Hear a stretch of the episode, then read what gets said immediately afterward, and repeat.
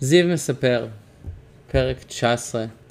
אני יודע שהרבה מן הדברים שכתובים בפרקים פה, לפחות מהצד שלי, לאו דווקא קשורים ישירות לערך להצליח בתור מוזיקאי ואיך להיות איש עסקים טוב.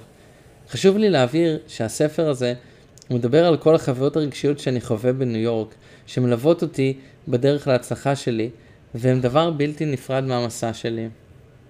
הרגשות שאני חווה בעיר הזאת משפיעות על התפקוד שלי, על איך שאני מדבר עם אנשים, איך שאני משיג דברים בכוחות עצמי, וזה חלק מהמסע שלי, וזה לדעת איך לנטרל אותן שצריך, ולא לתת לתחושות הקשות להשפיע על ההצלחה שלי, ולדעת איך לנתב אותן בצורה חיובית.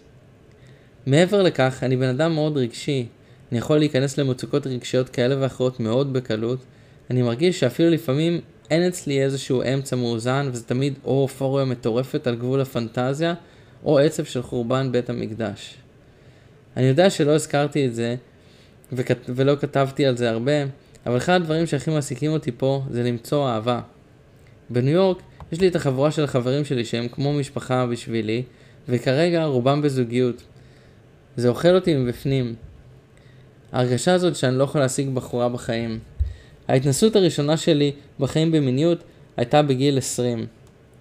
בחיים לא היה לי מערכת יחסים רצינית. אני בן אדם עם חוש הומור מוזר, ואני יכול להיות מאוד אינטנסיבי. אני פתוח ונחמד מאוד, אבל משום מה, כל פעם שאני מנסה משהו עם בחורה זה נכשל חרוצות, ואני נשאר מבולבל.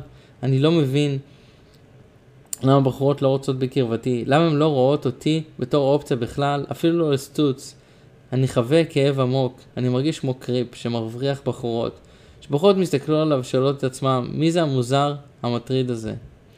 כואב לי, ממש ממש כואב לי, כל כך הרבה תסכול, אני כל כך ילד. אני פשוט בתוך בריכה של עצב, אבל זה לא עוצר אותי מלעשות דברים חשובים לקידום הקריירה שלי ולהתאמן בכלי שלי שאני כל כך אוהב, הקלרינט. זה לא יעצור אותי מלהירשם לבתי ספר ולהשיג עוד עבודות, זה לא יעצור אותי מלנגן בגיטרה ולשיר שירי פולק, אף אחד לא יכול לקחת את זה ממני. אני בן אדם כישרוני, ואני מצחיק, ואני עמוק, ואף אחד לא יכול לקחת את זה ממני. אני אעשה את המשימות שלי, ואני אעבוד בפרח בשביל ההצלחה שלי.